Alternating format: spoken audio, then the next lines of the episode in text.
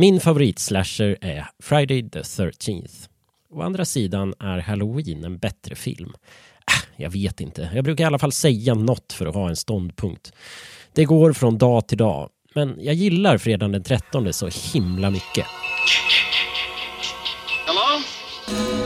Jag själv aldrig varit på kollo. Jag är inte heller konfirmerad. Jag var urusel på att bibehålla intressen när jag var liten. Jag sköt pilbåge, tog trumlektioner och spelade handboll.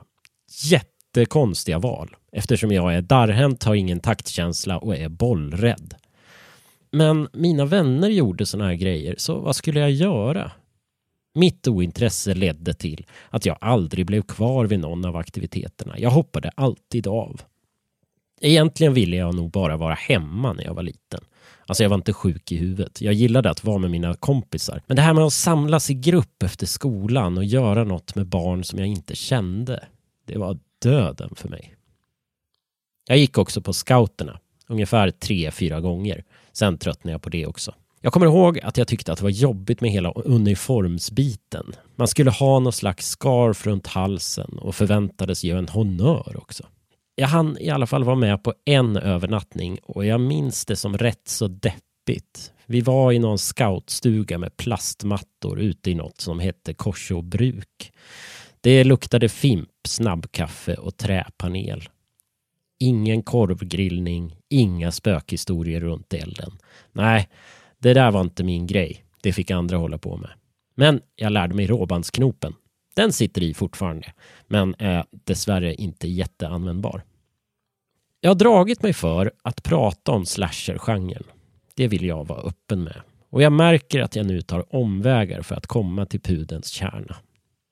Jag har för all del pratat mig sönder och samman om Scream. Men det är ju min generations slasher och den är så himla witty och genremedveten. Halloween då? Och fredagen den 13, varför har jag inte pratat om dem? Och Prom Night och Maniac och The Slumber Party Massacre. Okej då, vi pratar lite om det. Vad är egentligen en slasher? Vet du det egentligen? Ja, vi behöver ju en body count i alla fall. Det räcker inte att en dör. Det måste bli ett ordentligt gäng som stryker med. Sen behöver vi ju en mördare med ett läbbigt vapen. En picka är liksom inte läskig nog. Det måste bli ett blodigt mord. Yxa eller kniv eller borrmaskin kanske. Sen ska mördaren, åtminstone initialt, vara i någorlunda mänsklig form. Sen kan vi ju då genrebestämma till exempel A Nightmare on Elm Street som en slasher med Freddy Krueger och han är ju back from the dead så att säga. Men han var ju människa först. Och så ska det vara blodigt. Eller? Halloween har ju, hade ju faktiskt inget blod alls nästan. Men vi vill väl gärna ha ett motiv. Och sen... There are certain rules that one must abide by in order to successfully survive a horror movie. For instance, number one. You can never have sex. Ja, ni vet. Sen blir det sådär genremedvetet. Och det vill jag ha sagt. Alla slasherfilmer i världen är inte värda att se. Det finns så fruktansvärt mycket skräp. Jag kan räkna mina favoriter på ena handen. Och jag menar, vad kan jag bidra med om fredagen den 13 som inte redan har sagts? Ingenting. Jag älskar den här filmens extremt enkla premisser. Vi har ett gäng kolloledare som ska dö på olika grymma sätt. Inga konstigheter. Jag älskar ju också första Halloween-filmen, stilbildande och till skillnad från tidigare nämnda film hade ju Halloween till och med ett manus. Men jag menar, vem fan älskar inte första Halloween-filmen? Jag kan sitta här och tjata om Carpenters syntar tills öronen kräks, men jag har ingen lust med det. Jag skulle hellre prata om Mats Strandbergs slasherbok Konferensen som kom i våras. Men när jag läste den tyckte jag att den var så bra att jag helst hade sett att storyn inte innefattade alla dessa mord. Det är väl ingen kul åsikt?